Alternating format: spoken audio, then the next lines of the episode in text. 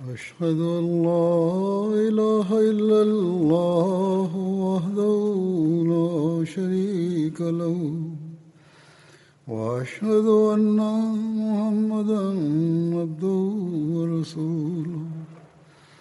أما بعد فأعوذ بالله من الشيطان الرجيم.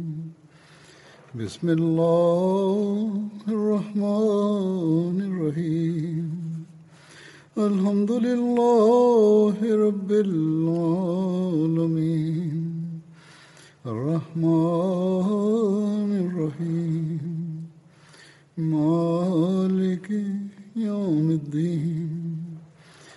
إياك نعبد وإياك نستعين. اهدنا الصراط المستقيم.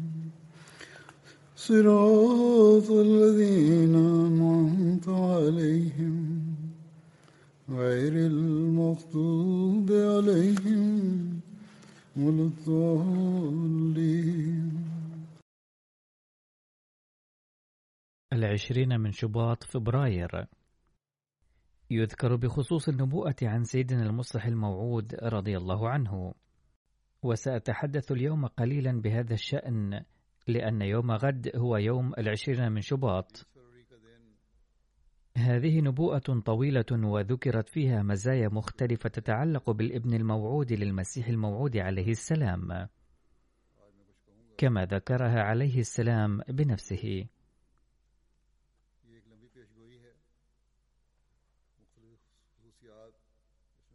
فاليوم سأتحدث عن جانب واحد للنبوءة وهو الجانب المتمثل في إلهام يملأ بالعلوم الظاهرية والباطنية.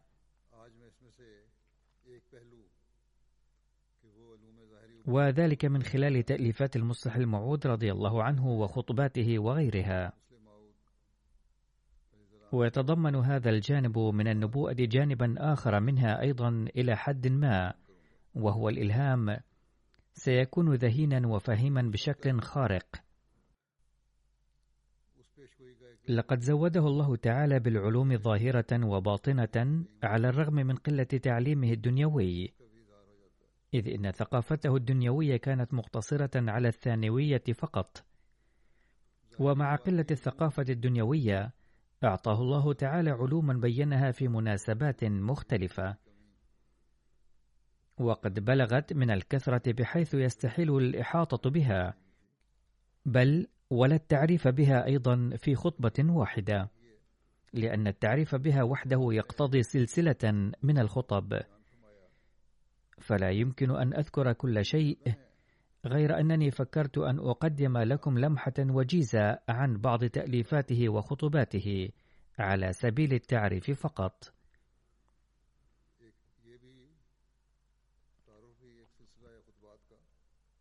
أو بالأحرى لأذكر ملخص بعض النكات التي ذكرها في كتاباته لأعطيكم فكرة موجزة جدا عن تبحره العلمي والمعرفي.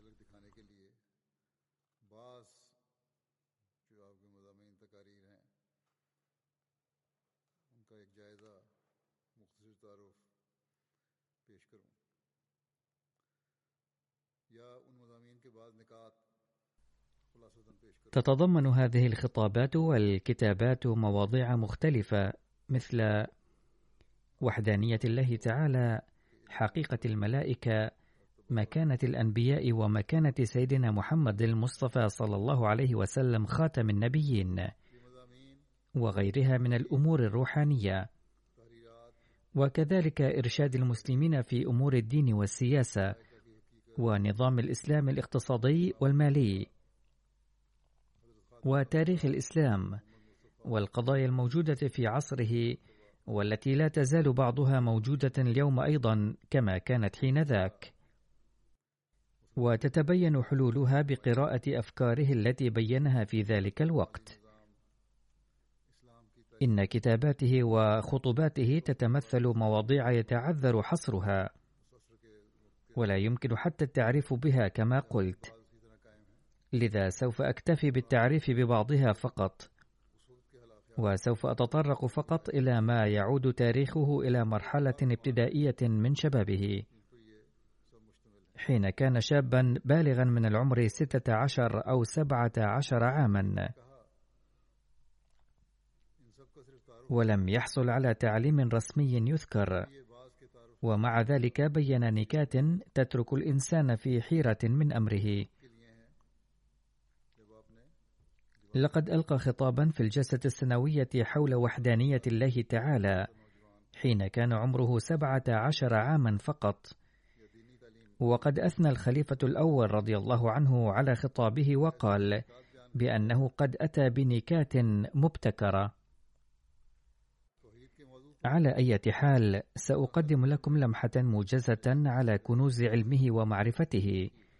التي بينها بدءا من الفترة التي كان عمره فيها ستة عشر أو سبعة عشر عاما إلى فترة عنفوان الشباب ثم إلى عز الشباب. ولا يمكنني أن أقدم الجزء الخمسين منه بل أقل منه أيضا مما قاله في هذه الفترة. وبعدها نال حضرته رضي الله عنه عمرا طويلا. وظل ينشر لآل العلم والمعرفة بتعليم من الله تعالى.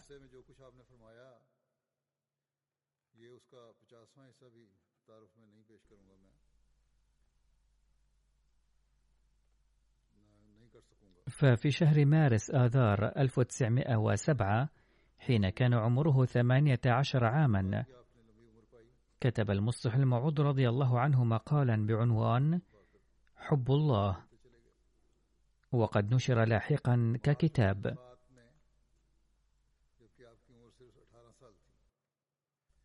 يتبين من هذا المقال كيف بدأ الله تعالى بملئه بالعلوم الظاهرة والباطنة في سنه الصغيرة.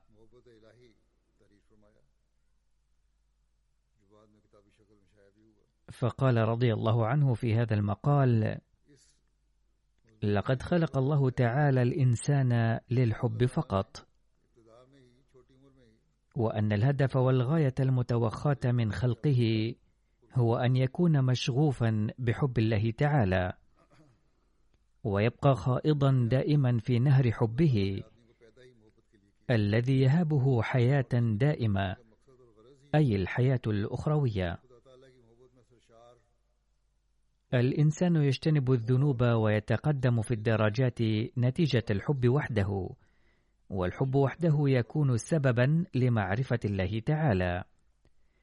وبدون الحب لا يعرف الإنسان حقيقة الله ولا يحظى بمعرفته. ثم قال من الضروري أن نزداد علاقة بالله تعالى لاجتناب الذنوب والتقدم في الدرجات وأن نخلق في قلوبنا حبا واخلاصا نقترب بهما من الله تعالى ونكون كشمس يستنير بها العالم. ثم ذكر رضي الله عنه الأديان المختلفة وقال إن الله واحد ولكن لكل دين أفكار مختلفة عنه. وبهذا الشأن بين رضي الله عنه معتقدات اليهود والنصارى والهنود والآريين عن الله تعالى. وأثبت أن الإله الذي يعطي تعليما ويتحلى بصفات ذكرت في تلك الأديان لا يستحق أن يعبده الناس. ثم أثبت حضرته رضي الله عنه مقدما تعليم الإسلام أن إله الإسلام هو وحده جامع المزايا والمحاسن كلها ويستحق أن يحبه الناس ويعبدوه وحده. من الواضح كما قلت من قبل إن للجميع إلها واحدا ولكن فكرة الإله التي يقدمها الإسلام مقابل الأديان الأخرى هي الفكرة الصحيحة والحقيقية وبها يمكن أن ينشأ حبه في القلوب.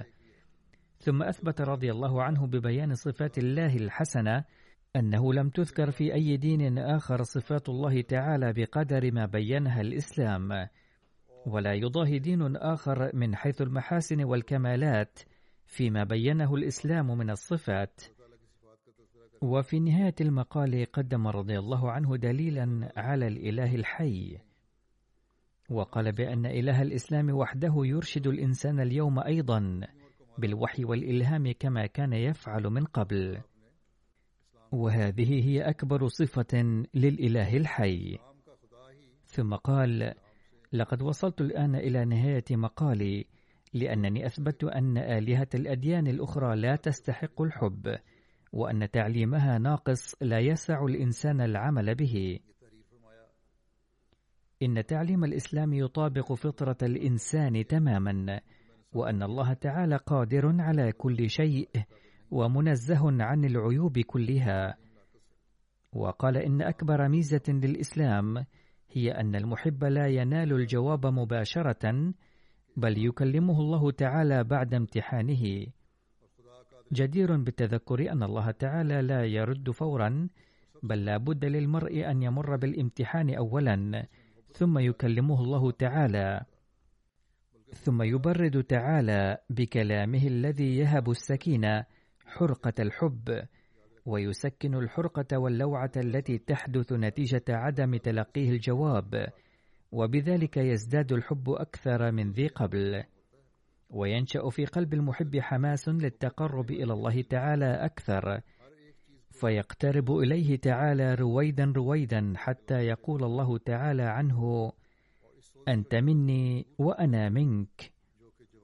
ويقصد من ذلك إن اسمي يتجلى في العالم بواسطتك وإنك تنال العزة بسببي.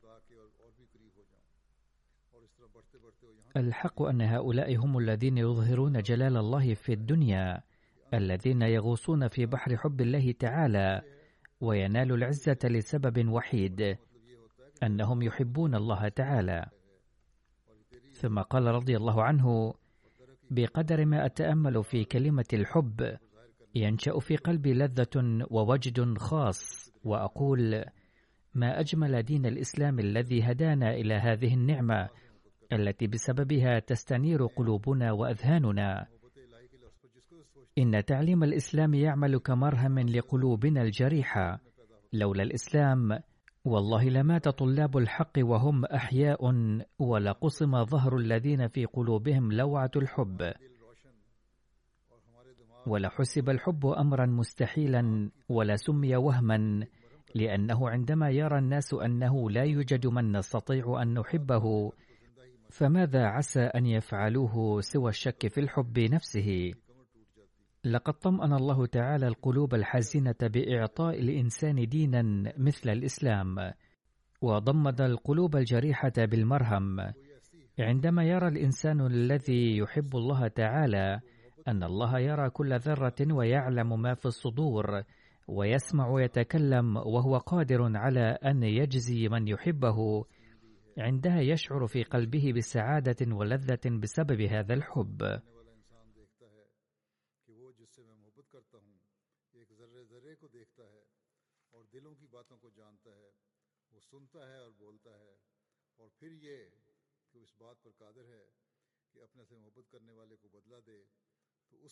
وفي الثامن والعشرين من ديسمبر 1908 ألقى سيدنا المصلح الموعود رضي الله عنه خطابا قيما بعنوان كيف يمكننا أن ننجح? علما أن هذه أفكار شاب يبلغ من العمر تسعة عشر عاما فقط. فقد قرأ حضرته رضي الله عنه آيتين من سورة التوبة. إن الله اشترى من المؤمنين أنفسهم وأموالهم بأن لهم الجنة. إلى وبشر المؤمنين.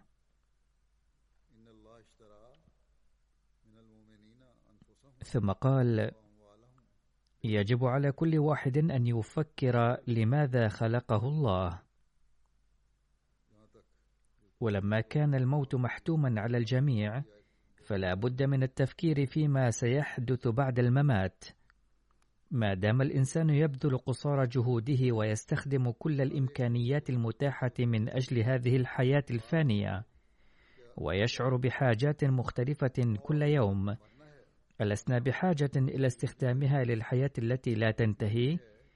ألسنا بحاجة إلى أن نستعد لتلك الحياة؟ هذا سؤال هام جدا. إن حضرته رضي الله عنه يقوم بتوضيح الأمر على ضوء تعاليم القرآن الكريم ويقول: إن الواحد منا إذا أراد شراء شيء أخذ أقصى حيطة ولا يشتري إلا ما هو نافع ورابح. فالأسف كل الأسف على إنسان لا يقوم بتجارة ليس فيها ربح مئات الآلاف ولا مئات الملايين بل إن ربحها بلا حدود. يقول رضي الله عنه بناء على ضوء تعاليم القرآن الكريم على المرء أن يجمع المال الذي ينفعه وليس ما يدمره ورثته. أي أن أموال الدنيا يضيعها الورثة ويدمرونها. ولكن الإنسان لو قام بهذه التجارة التي يدعو إليها القرآن الكريم لربح بها ربحا لن يدمره أحد بعده بل سوف ينفعه بعد موته أيضا. ويصبح الله تعالى بنفسه أمين صندوق مثل هؤلاء التجار. وإذا أصبح الله أمين صندوق إنسان فماذا يريد أكثر من ذلك؟ فالذين يتاجرون مع الله على هذا النحو ويدخلون في جنوده فعليهم أن يتحلوا بالشجاعة. ويسلموا أنفسهم ليد الله تعالى عمليا لا باللسان فقط. ثم ذكر حضرته رضي الله عنه نجاحات وانتصارات مثل هؤلاء التجار كموسى عليه السلام ونبينا صلى الله عليه وسلم. وبين كيف أن الله تعالى كتب لهم النصر على الأعداء وجعلهم هم الغالبين. وهذه التجارة لها شروط أولها أن يستغفر المرء ربه من ذنوبه دوما وهكذا بطلب العفو يزيل ما ران على قلبه من صدأ. وثانيها عليه أن يهتم بالعبادة لتقوية صلته بالله تعالى. وثالثها يجب أن يداوم على حمد الله وشكره متذكرا نعمه وأفضاله تعالى. ورابعها يجب أن يقوم بالأمر بالمعروف. وخامسها عليه أن يحفظ حدود الله تعالى أي أن يراعي الحدود التي وضعها الله تعالى والمؤمن المخلص الذي يعمل بهذه الشروط يصبح من الفائزين وينال البشارات من عند الله تعالى.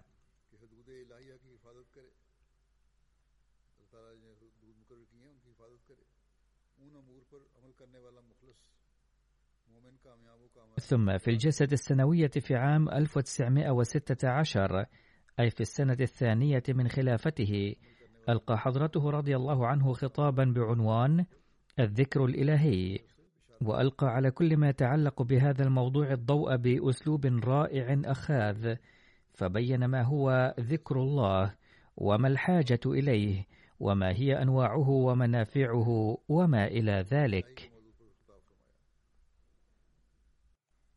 كما تحدث حضرته رضي الله عنه في هذا الخطاب عن الذكر الذي يقوم به المتصوفون وغيرهم في هذا العصر.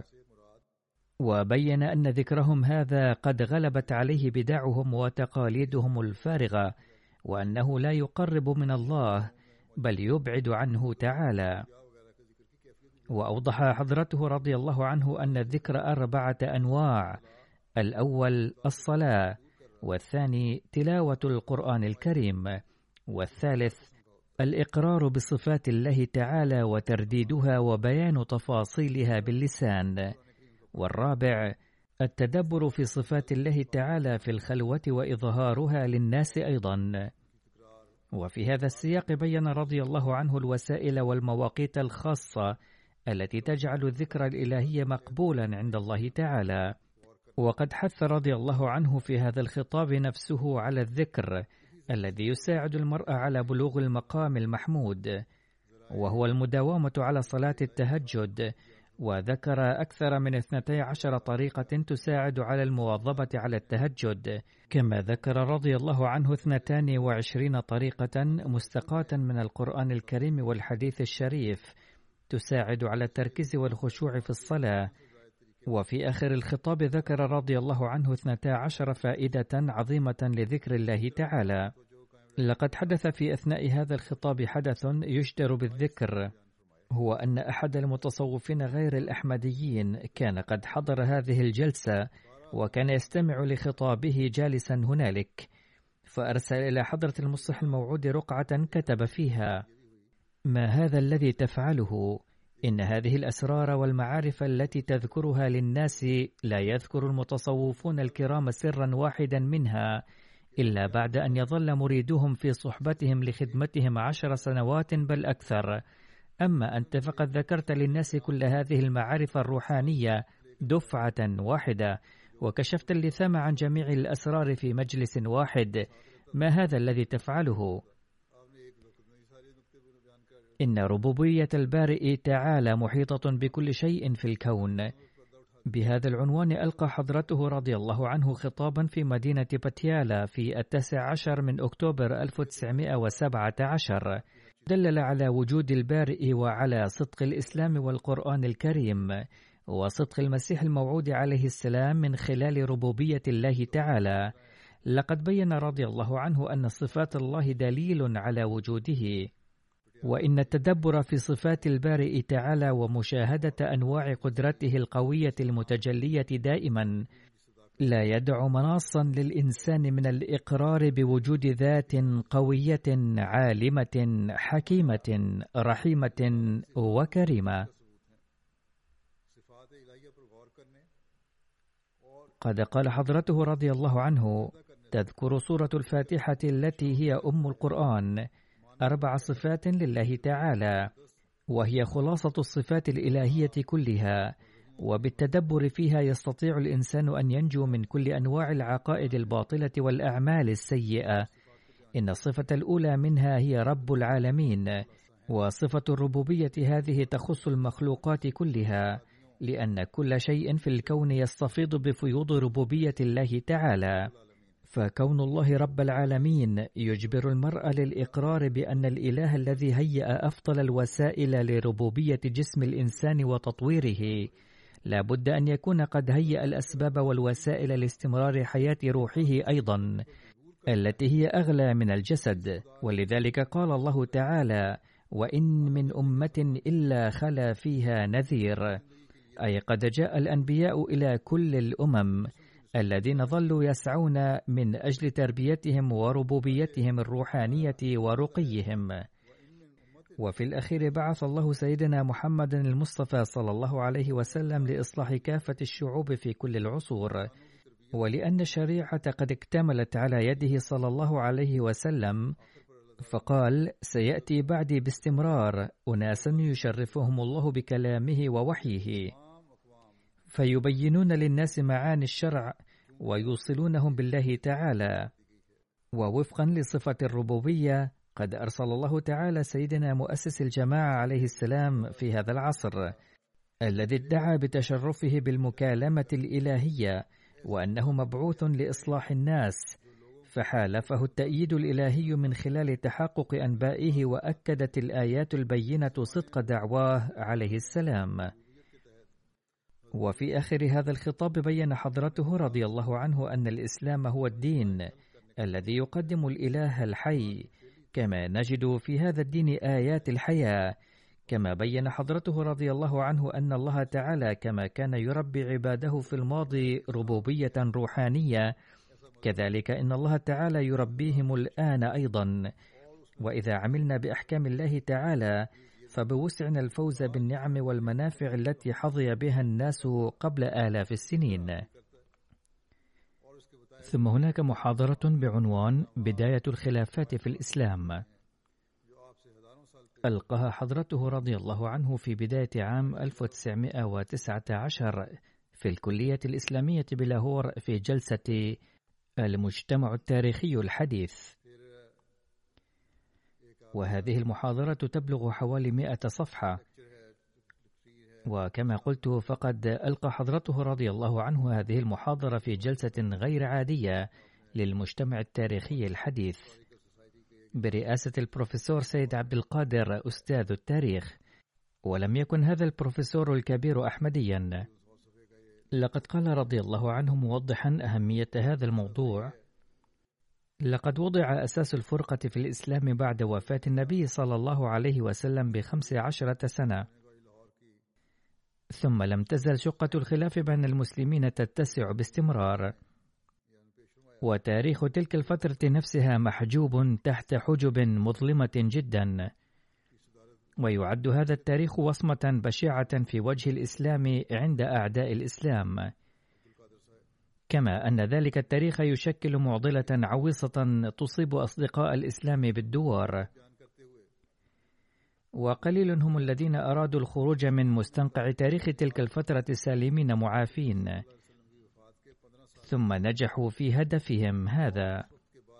ولذلك وددت أن أتكلم أمامكم اليوم حول هذا الموضوع نفسه.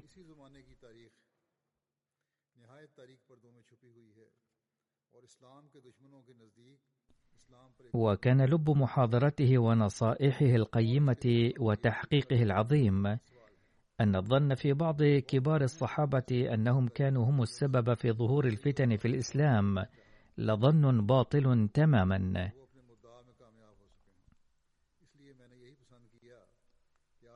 لقد تناول حضرته رضي الله عنه في هذه المحاضرة الأمور التالية: ظروف أوائل خلافة عثمان رضي الله عنه، ومكانته عند رسول الله صلى الله عليه وسلم، ومصدر الفتنة، والخلافة في الإسلام نظام ديني، ومؤكدا أن سوء الظن بالصحابة كان بغير حق. ناقش حضرته أسباب تلك الفتنة وبين الدواعي والعوامل التي جعلت هذه الفتنة تبدأ في خلافة عثمان رضي الله عنه. وألقى الضوء على أحوال عبد الله بن سبأ رأس تلك الفتنة وعلى أوضاع الكوفة والبصرة والشام وعلى الطبيعة العامة للمسلمين هنالك. ومن المطاعن التي تثار ضد سيدنا عثمان رضي الله عنه أنه قد استعمل برغبته الشخصية عمالا وأمراء كانوا سببا مباشرا في ظهور تلك الفتنة. فقال حضرة الخليفة الثاني رضي الله عنه معلقا على ذلك باختصار إن الذين أرسلوا للتحقيق كانوا جميعهم من كبار الأتقياء وغير منحازين إطلاقا ولم يكن لدى أي شخص مجال للإعتراض على تحقيقهم.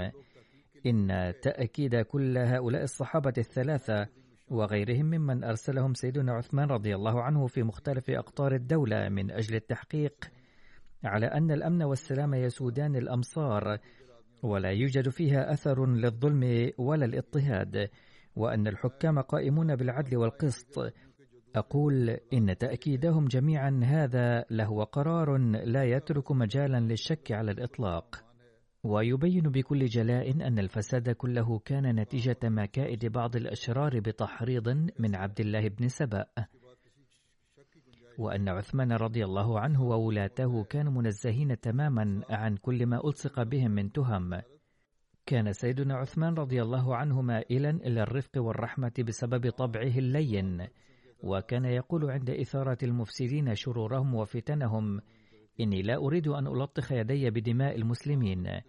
ولقد قدم كبار الصحابة ومنهم معاوية رضي الله عنه بعض المقترحات لإقامة الأمن إلا أن عثمان رضي الله عنه ظل سائرا على طريق الرحمة والرأفة بل وأخذ يقبل مطالبات المعترضين أيضا إلى حد مشروع من أجل تهدئتهم وإسكاتهم درءا للفتنة.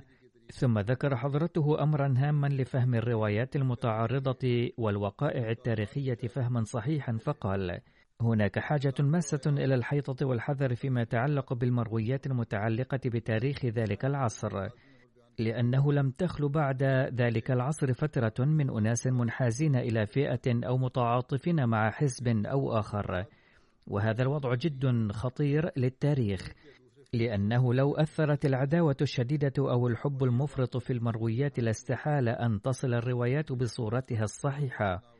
والمبدأ الذهبي لتصحيح التاريخ هو أن الأحداث الواقعة في العالم إنما هي كسلسلة. فلو أردنا أن نختبر صحة حدث معين يجب أن نحاول خرطه في تلك السلسلة ثم نرى ما إذا كانت حلقته تنخرط في سلسلة الأحداث بصورة صحيحة أم لا. يتلخص تحقيق حضرته في ثبوت براءة عثمان والصحابة الآخرين رضي الله عنهم من كل نوع من الفتنة والعيب، بل كان سلوكهم مظهرا للأخلاق السامية، وكان قدمهم راسخا على مراقي الحسنة، وأنه لم يكن لدى الصحابة أي اعتراض على خلافة عثمان رضي الله عنه، بل ظلوا أوفياء له إلى آخر الأمر. وأن اتهام علي وطلحة والزبير رضي الله عنهم بحياكة المكائد باطل تماما وأن التهمة التي تلصق بالأنصار أنهم كانوا غاضبين من عثمان رضي الله عنه أيضا باطلة لأننا نرى أن جميع زعماء الأنصار كانوا في سعي حثيث لدرء هذه الفتنة.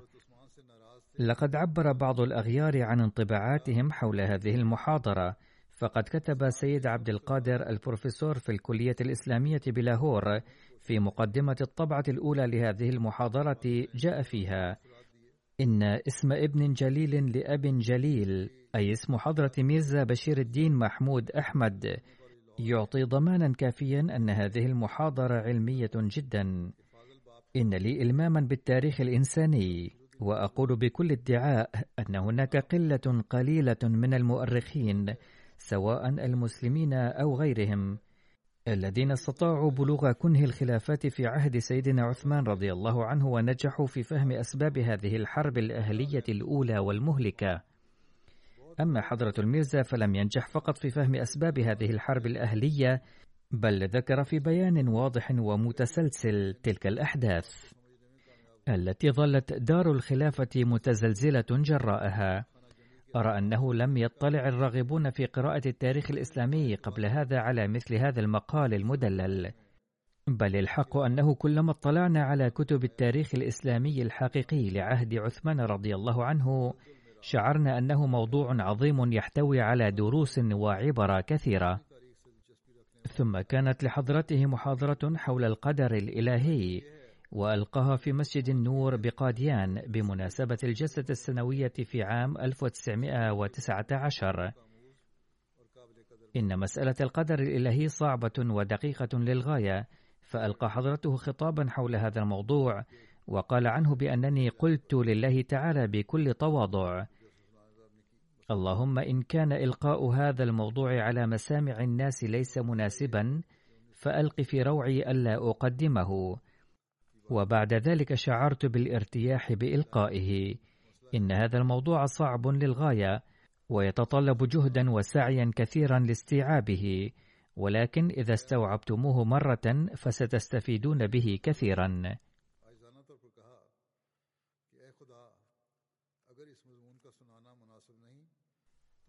لقد ذكر الخليفة الرابع رحمه الله بعض المقتبسات من هذا الخطاب وعلق عليها. فقال حضرته رحمه الله بأنه لم يكن سهلا إلقاء الخليفة الثاني رضي الله عنه خطابا حول هذا الموضوع في اجتماع عام يضم مثقفين وأميين أذكياء وبسطاء. فإن تناوله هذا الموضوع بطريقة رائعة وآسرة كان من خاصته هو. لم يكن هذا مجرد خطاب بل هو يعد تحفة في علم الكلام. فبعد ذكره أهمية مسألة القضاء والقدر وسرده أقوال النبي صلى الله عليه وسلم بهذا الخصوص. قال شارحا هذا الموضوع بأن مسألة القضاء والقدر من الإيمانيات فلا بد من الإيمان بها وبوجود الباري عز وجل. ثم فصل في النظريات المختلفة فيها حول مسألة القضاء والقدر ووفق بين بعض أقوال النبي صلى الله عليه وسلم. وبعد ذلك ذكر كيف تعثر الإنسان كثيرا نتيجة عدم فهمه لمسألة القدر ثم كشف عن أخطاء عقيدة وحدة الوجود فرد عليها من خلال الأدلة القاطعة من ست من آيات القرآن الكريم ثم تناول الجانب الآخر لهذه العقيدة الذي أسهب فيه أيضا فأثبت بطلانه ورد بأدلة قوية على الزعم القائل بأن الله تعالى لا يسعه فعل شيء وإن سعي الإنسان وعمله هو كل شيء. لقد قدم حضرته تحليلا رائعا لتعثر فكر الإنسان نتيجة خلطه بين العلم الإلهي وبين القدر الإلهي وفصل حضرته هذه القضية أيما تفصيل. ثم يقول الخليفة الرابع رحمه الله إن هذا الخطاب يبحث في القدر الإلهي من جميع جوانبه بحيث رد فيه على اعتراضات قديمة وجديدة مختلفة لقد ذكر حضرته سبع مدارج روحانية يمكن للإنسان أن ينالها بعد فهمه الصحيح لمسألة القدر الإلهي ونتيجة تحقيقه متطلبات هذه القضية. على أي حال هذا الكتاب جدير بالقراءة فعلى من يسألون عن القدر الإلهي أن يقرأوا هذا الكتاب.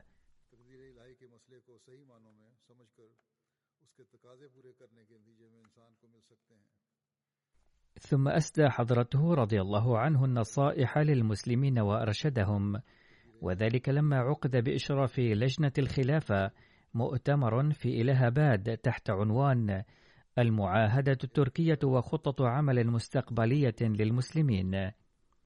لقد أبرمت الدول المتحالفة بعد الحرب العالمية الأولى اتفاقية صلح مع الدولة العثمانية ووضعت لها شروطا مهينة للغاية وبها قسمت الدولة العثمانية إلى دول كثيرة وفرضت قيود كثيرة على قواتها البحرية والبرية والجوية كما فرضت عليها بعض العقوبات الصارمة الأخرى أيضا. وفي ظل هذه الظروف تحت إشراف لجنة الخلافة تم عقد مؤتمر في إلهاباد في الواحد والثاني من يونيو عام 1920 للبحث في قضية شروط التصالح مع الدولة التركية والنقاش حول خطة عمل مستقبلية للمسلمين واقتراحها. لقد كتب الزعيم المشهور لجمعية علماء الهند مولانا عبد البارئ إلى المصلح الموعود رضي الله عنه في الثلاثين من مايو عام 1920 رسالة دعاه فيها إلى طرح أفكاره في هذا المؤتمر فكتب حضرته في يوم واحد مقالا بعنوان الاتفاقية التركية وخطة عمل مستقبلية للمسلمين وطبعها ليلا ثم أرسلها بواسطة مولانا سيد محمد سرور شاه والسيد ولي الله شاه وتودري محمد ظفر الله خان رضي الله عنهم. لقد حدد حضرته في هذا المقال النقائص في شروط الاتفاقية التركية وقدم بعض المقترحات أمام المسلمين لتفادي تأثيرها السيء.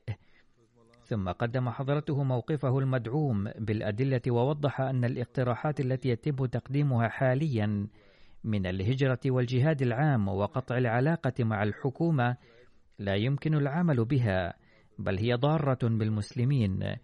فقدم حضرته اقتراحا من عنده أن يوضح المسلمون ببيان موحد على الدول المتحالفة بأنهم وضعوا في اتفاقيتهم للصلح مع الأتراك شروطا تخالف قواعد يتبنونها بأنفسهم.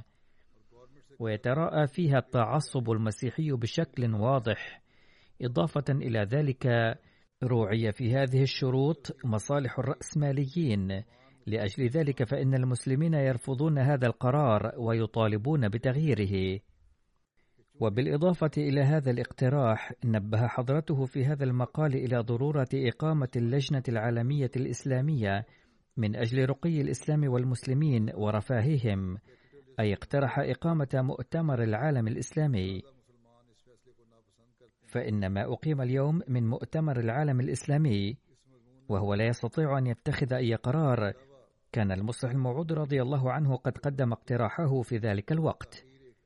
وإن الحالة التي استعرضها هذا المقال في ذلك الوقت تتراءى اليوم أيضا في تعامل بعض القوى الغربية مع الحكومات المسلمة. لم تكن مرافق الإنترنت وغيرها موجودة في ذلك الوقت.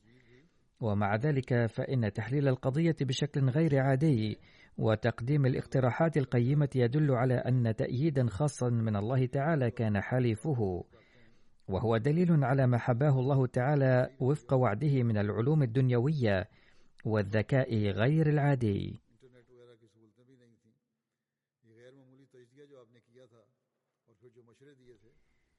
ثم كان له رضي الله عنه خطاب بعنوان ملائكة الله. ألقاه في يومي الثامن والعشرين والتاسع والعشرين من ديسمبر عام 1920 في بيت النور. يدخل موضوع ملائكة الله في الأصول الأساسية للإسلام وفي الإيمانيات أيضا مع أن الموضوع كان صعبا ودقيقا إلا أن حضرته بسطه وقدمه بشكل يزيد المرء بصيرة وإيمانا. لقد ذكر حضرته على ضوء الآيات القرآنية حقيقة الملائكة وضرورتهم وأنواعهم وواجباتهم وخدماتهم. كما قدم أدلة على وجود الملائكة ورد بشكل مفصل ومدلل على الشبهات والاعتراضات المتعلقة بهم. وفي نهاية هذا الموضوع ذكر حضرته ثمانية ذرائع لإنشاء العلاقة مع الملائكة والاستفاضة بهم. وهي أولا من خلال جلوس المرء في صحبة من ينزل عليه جبريل أي أن يجلس في مجالس الأنبياء والصالحين وينعم بصحبتهم ثانيا بإكثاره من الصلاة على النبي صلى الله عليه وسلم. ثالثا أن يولد في قلبه عاطفة العفو والصفح وتخلى عن سوء الظن. رابعا أن يكثر من التسبيح والتحميد. خامسا أن يتلو القرآن الكريم بتدبر. سادسا أن يقرأ مؤلفات شخص نزلت عليه الملائكة. وعليه ففي هذا العصر ينبغي قراءة كتب المسيح الموعود عليه السلام. سابعا أن يتوجه المرء إلى المكان الذي قد نزلت فيه الملائكة بوجه خاص فهناك بعض شعائر الله والأماكن المقدسة يجب زيارتها. ثامنا أن يكون المرء على تواصل مع الخليفة فقد بين كل هذه الأمور فيه.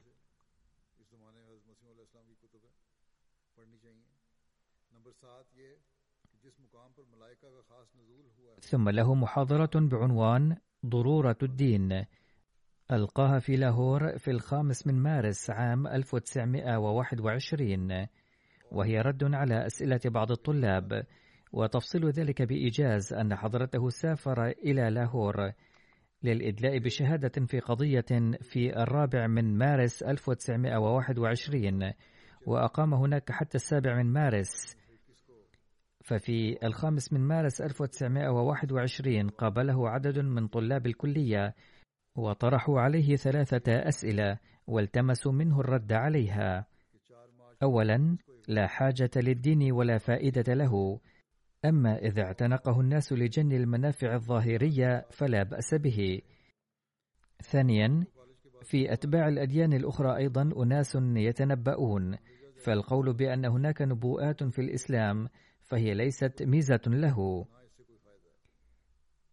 ثالثا: إن انتشار جماعة حضرة الميرزا لا يشكل إثباتا لصدقه، لأن لينين في روسيا أيضا أحرز نجاحا كبيرا. فرد حضرته على هذه الأسئلة الثلاثة بأدلة وبأسلوب سلس للغاية، فقال إن مسألة ضرورة الدين تتعلق بوجود الله تعالى، وجوابه موجود في صورة كتاب منشور. فإذا كان الله تعالى موجودا فثمة حاجة إلى الدين أيضا. وإن ما يثبت وجوده تعالى هو كلامه مع عباده. وفي هذا العصر نلاحظ تحقق نبوءات المسيح الموعود عليه السلام وهي تشكل إثباتا لوجود الله. وقال ردا على السؤال الثاني أن الفرق الأساسي بين نبوءات الأنبياء وغيرهم من الناس أن عامة الناس يتنبؤون بناء على علمهم ونبوءاتهم تتسم بالقياس بينما يتنبأ الأنبياء بتلقي العلم من الله وفي أوضاع غير ملائمة وتكون لها جوانب عدة وتتصبغ بصبغة الشوكة والاقتدار ككلام الحكام. وقال ردا على السؤال الثالث أن الازدهار الذي أحرزه سيدنا الميرزا عليه السلام فكان قد تنبأ به سلفا وتحقق التقدم بحسب ذلك. لذا من الغلط القول أن تقدم سيادة المرزا لا يعد برهانا على صدقه لأن الآخرين أيضا يتقدمون. على كل حال هذا الموضوع مفصل.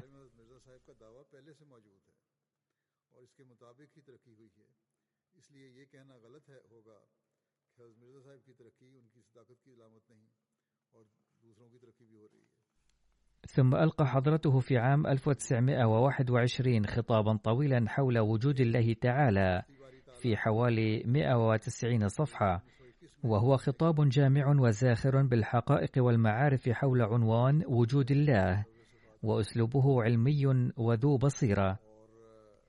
وذكر فيه حضرته ثمانية أدلة على وجود الله ورد على الاعتراضات الواردة عليها فقد أثبت وجود الله من صفاته تعالى ثم بين أنواع الصفات الإلهية وبين أفكار الأوروبيين عن الله وأفكار الزردشتية وأفكار الهندوس وتصورات الآريين وبين مقابل ذلك تعليم الإسلام عن وجود الله تعالى بالتفصيل. إضافة إلى ذلك قد تناول حضرته فيه تعريف الشرك وأنواعه ورد عليها.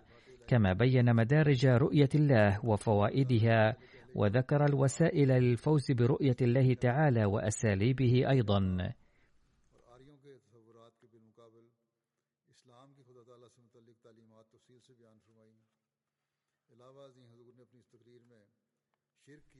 ثم من مؤلفاته كتاب تحفة لأمير ويلز الذي قدم له عند زيارته للهند في عام 1921 وملخصه أن ولي عهد بريطانيا العظمى أمير ويلز جاء إلى الهند في ديسمبر عام 1921 في جولة وهو الأمير نفسه الذي سمي لاحقا إدوارد الثامن وتخلى عن العرش في عام 1936 إثر خلاف له مع الكنيسة البريطانية. ألف حضرة المصلح الموعود كتابا بعنوان تحفة لأمير ويلز بمناسبة مجيئه إلى الهند وبتوجيه من حضرته تبرع 32208 فرد من أعضاء الجماعة الإسلامية الأحمدية كل واحد منهم بآنة واحدة لتوفير النفقات لطباعة هذا الكتاب ونشره. وقدم وفد من أبناء الجماعة هذا الكتاب كهدية نادرة للإسلام إلى أمير ويلز مع خطاب بواسطة حكومة البنجاب في السابع والعشرين من فبراير شباط 1922 في لاهور. لقد بين سيدنا المصلح الموعود في هذا الكتاب الصغير العلمي الولاء مع حكومة الوقت إضافة إلى سوانح موجزة لمؤسس الجماعة الأحمدية. سيدنا المسيح الموعود عليه السلام كما تناول فيه تعليم الجماعة الأحمدية وتاريخها والهدف من تأسيسها. وفي الأخير بلغ الأمير وارث تاج بريطانيا وعرشها رسالة الإسلام بأسلوب مؤثر جدا ودعاه إلى الإسلام عملا بسنة الرسول صلى الله عليه وسلم. وتقبل أمير ويلز الهدية المقدمة من حضرته وشكر حضرته عن طريق سكرتيره الكبير. ومن الانطباعات عن هذا الكتاب أن أمير ويلز الذي صار لاحقا إدوارد الثامن ثم تخلى عن العرش إثر خلافه مع الكنيسة في عام 1936 كما قلت سابقا قد تقبل هذه الهدية بمنتهى الاحترام والإجلال وعبر عن عواطف شكره عن طريق سكرتيره الكبير. وليس ذلك فحسب بل قرأ هذا الكتاب كله أثناء سفره من لاهور إلى جمو. في مارس عام 1922 وأعجب به كثيرا. وتبين من المعلومات لاحقا أن وجه الأمير كان يتألق أثناء قراءته لهذا الكتاب وأفاد سكرتيره أيضا أن سموه كان يقوم فجأة أحيانا أثناء قراءته للكتاب وبعده بفترة قصيرة أبدى عن براءته من المسيحية صراحة. وقال صحفي في جريدة ذو الفقار تعليقا على هذا الكتاب في الرابع والعشرين من نيسان 1922 لا نستطيع الامتناع عن الإشادة بمهمة الخليفة الثاني للجماعة الأحمدية لنشر الإسلام. فالجزء الكبير من كتابة تحفة لأمير ويلز زاخر بالدعوة إلى الإسلام وهو إنجاز عظيم يغتبطه غير الأحمديين حتما. عند الجلوس حول طاولة الصحافة من الضروري أن نخلع قلادة التعصب عن عنقنا لذا قد شعرنا بسعادة عظيمة برؤية هذه التحفة. لقد عمل المؤلف الفاضل في هذه التحفة بسنة النبي صلى الله عليه وسلم تماما حيث بلغ وارث تاج بريطانيا وعرشها دعوة الإسلام بكل حرية وشجاعة. إذا هاجم المؤلف أي فرد من أتباع أي فرقة إسلامية أو جريدة محبة للفتن حسدا وبغضا فهذا شأنه. أما نحن فلم نجد في هذه الهدية أي موضع وظف فيه التملق غير أنه في مواضع قد وردت سوانح ميرزا غلام أحمد الراحل من البداية إلى النهاية بإيجاز وهي أيضا تفصح عن حبه للإسلام وولائه للحكومة. فمن الجلي أن الله لا يحب أبدا الفرقة المحبة للفساد والفتن ويبيدها ويهلكها. مثل ذلك كتبت جريدة شبه حكومية سيفل أند ميليتري غازيت في البنجاب في الثامن عشر من نيسان 1922 لا نجد بدا من التسليم بأن المؤلف قدم أدلته بكفاءة عالية وبأسلوب علمي رائع. بغض النظر عن أن غايته الواسعة محاولة لنشر الدعوة فسواء أصار أمير ويلز أحمديا أم لا لا شك أن ذلك لا يقلل من قيمة هذا الكتاب وقدره ولا من متعة أولئك الذين لديهم رغبة في الدين وخاصة في أديان لا حصر لها في الهند وبريطانيا. لقد ترك هذا الكتاب تأثيرا عميقا في العالم الخارجي أيضا. أما في البلاد الغربية فقد فتح طريقا جديدا لتبليغ الإسلام.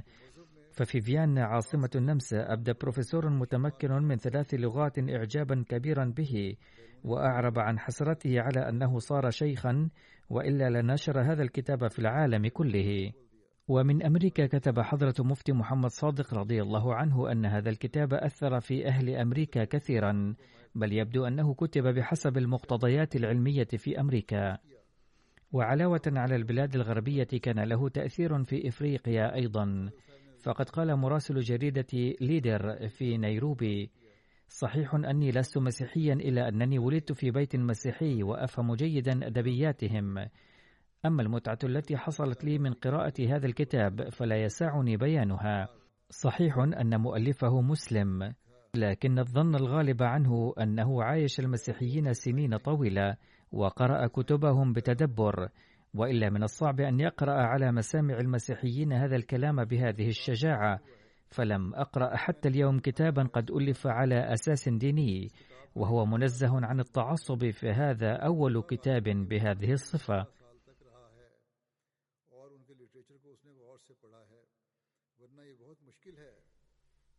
كذلك لحضرته خطاب بعنوان الأحمدية أي الإسلام الحقيقي. وقرئ ملخصه في مؤتمر ويمبلي في 1924 فالكتاب كبير وحجمه 250 صفحة. هذا المؤتمر كان قد عقد في عام 1924 ودعي فيه كبار علماء كل دين في العالم.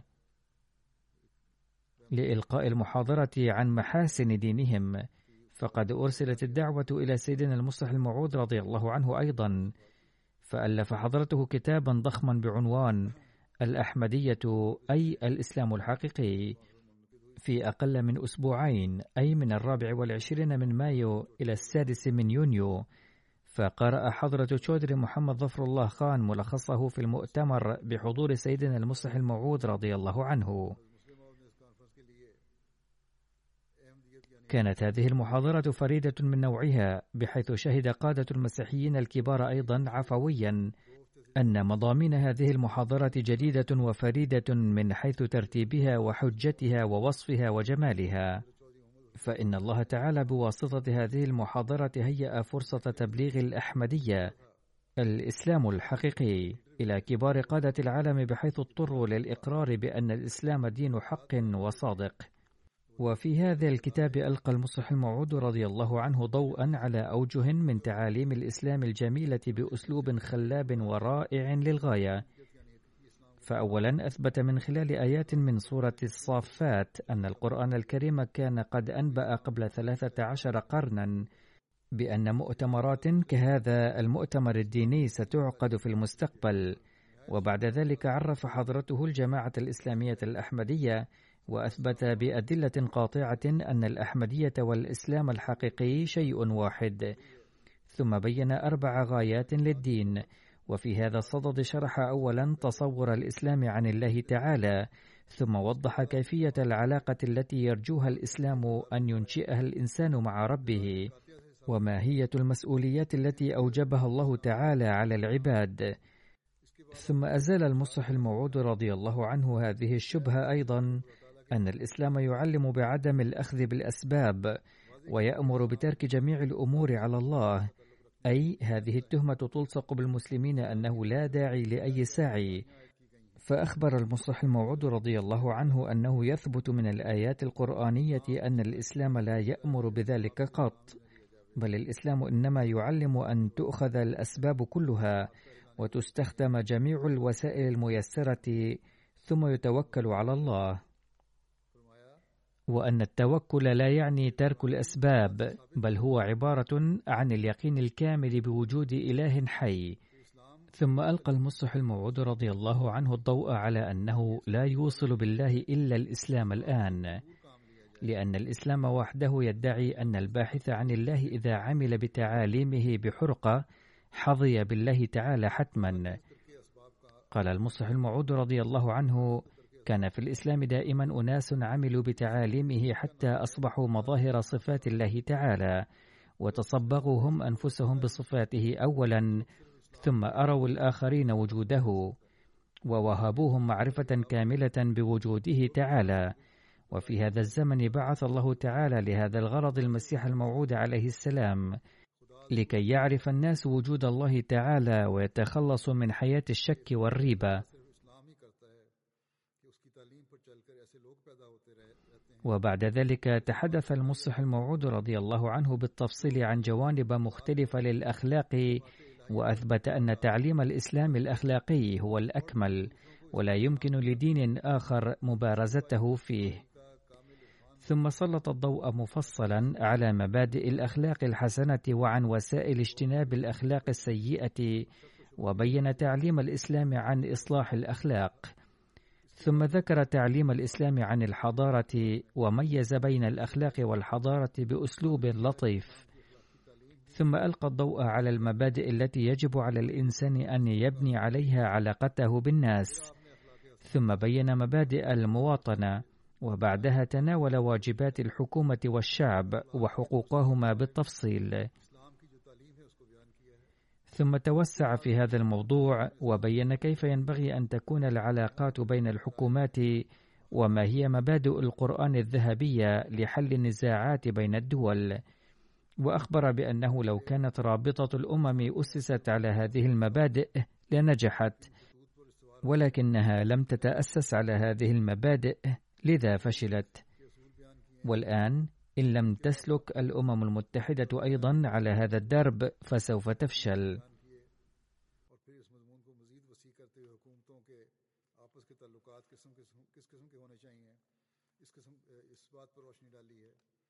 اور مختلف ملکوں میں تنازعات کے حل کے لیے آپ نے قرآن کریم کے ذریعے اصول بیان کیے ہیں وفي نهاية الكتاب ألقى المصلح الموعود رضي الله عنه ضوءا على حالات ما بعد الموت. وبين حقيقة الثواب والعذاب في عالم الآخرة. وفي هذا الكتاب لم يذكر حضرته تعاليم المسيح الموعود عليه السلام فحسب بل ضرب أمثلة العاملين بهذه التعاليم وأنهم كيف أحدثوا انقلابات عظيمة في حياتهم وكيف أثرت فيهم تعاليم المسيح الموعود عليه السلام. حتى ضحى بعضهم بأرواحهم ولم يحبوا ترك تعاليمه.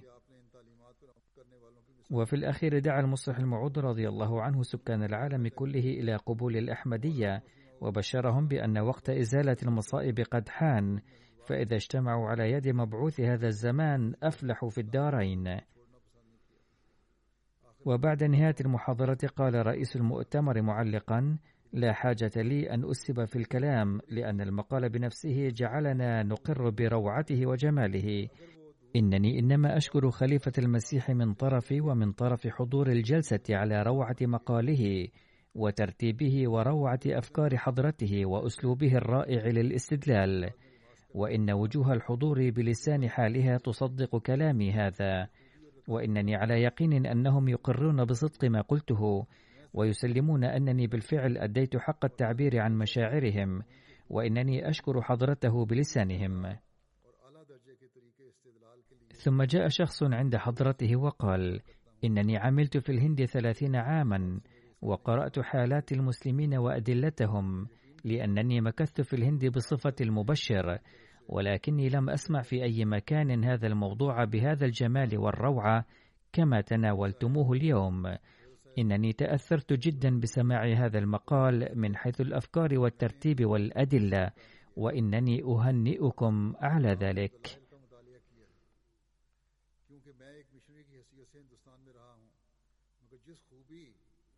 جاء شخص آخر وقال لقد أتيت من فرنسا لسماع هذا المقال وكنت أقدم الإسلام على المسيحية والبوذية على الإسلام ولكن الآن بعد أن سمعت مقالكم وسمعت البوذيين أيضا أسلم أن الإسلام بالفعل أفضل الأديان كلها وأن الإسلام الذي قدمتموه بهذا الجمال والروعة لا يمكن أن يقابله أي دين آخر وأنه أثر في قلبي تأثيرا بليغا.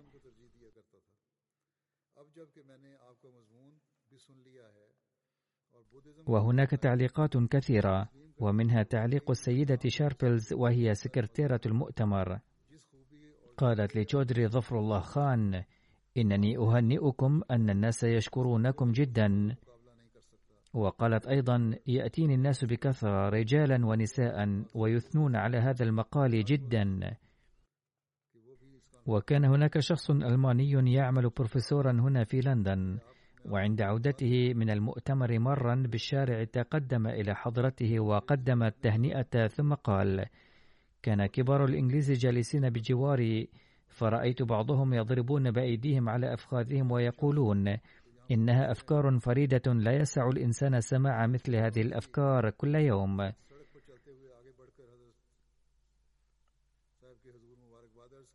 روى هذا البروفيسور الألماني بنفسه أن الناس كانوا يقولون عفويا أثناء الخطاب ما أجمل وما أصدق هذا المبدأ. وأبدى هو أيضا رأيه قائلا هذه نقطة انطلاق الأحمديين يعني مقام التقدم والرقي. وإنه لنجاح كبير بحيث لو كنتم أنفقتم آلاف الجنيهات لما أحرزتم مثل هذا الصيت وهذا النجاح كما أحرزتم بواسطة هذا الخطاب وحده. سمعت سيدة من ديانة البهائية هذه المحاضرة وبعدها مشت معنا حتى منزلنا وكانت تقول كنت أحمل أفكار البهائية ولكن الآن بعد سماع محاضرة اليوم قد تغيرت أفكاري وأريد أن أسمع محاضراتكم أكثر. فلو أخبرتموني لطفا متى وأين ستكون المحاضرات الأخرى لأحضرنها بالتأكيد. وهناك سيدة ألحت على دعوة حضرته إلى بيتها وقال شخص هذا المقال كان أجمل حتى من حب الوطن. هذه بعض الملامح التي أريتها لكم من درر العلم والعرفان لحضرته ما بين سن الثامنة عشر إلى سن الخامسة والثلاثين من عمره. إنه كلام بداية الشباب والشباب. لذلك الشخص الذي لم يحصل على التعليم الدنيوي كما قلت ولكنه مع ذلك ملئ بعلوم ظاهرية وباطنية. إنها آية صدق المسيح الموعود عليه السلام. وصدق نبوءة الرسول صلى الله عليه وسلم. وكل ما بينته من كلامه في السبع عشرة سنة هذه بعض الأمور قبل عهد خلافته وبعضها بعد خلافته. هو ليس واحدا بالمئة مما بينه حضرته في هذه الفترة. كنت قلت واحد بالخمسين ولكن الأحرى أن أقول لم أستطع أن أذكر واحد بالمئة من كلامه. إلا أنه تعارف لبعض كتبه. وهناك خطبه وتفاسيره التي فيها نكات العلوم والمعرفة بل تجري فيها أنهار العلوم والمعرفة. وإضافة إلى ذلك أرشد حضرته العالم في مجالسه المتعددة وهذه الخزائن التي قد طبعت معظمها يجب على أفراد الجماعة أن يقرأوها. رفع الله درجات المصلح الموعود رضي الله عنه.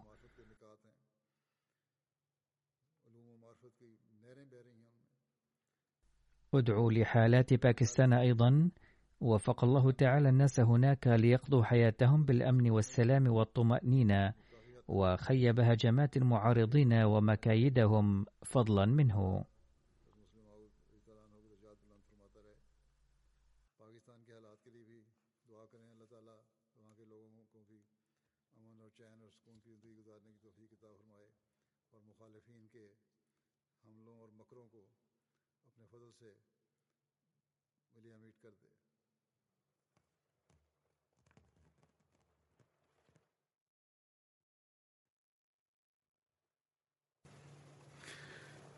الحمد لله الحمد لله نحمده ونستعينه ونستغفره ونؤمن به ونتوكل عليه ونعوذ بالله من شرور أنفسنا ومن سيئات أعمالنا.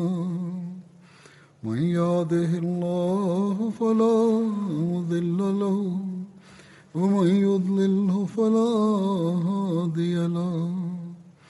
ونشهد أن لا إله إلا الله. ونشهد أن محمدا عبده ورسوله. عباد الله رحمكم الله. إن الله يأمر بالعدل واللسان وإيتاء ذي القربى. وينهى عن الفحشاء والمنكر والبغي يعظكم لعلكم تذكرون اذكروا الله يذكركم وادعوه يستجب لكم ولذكر الله أكبر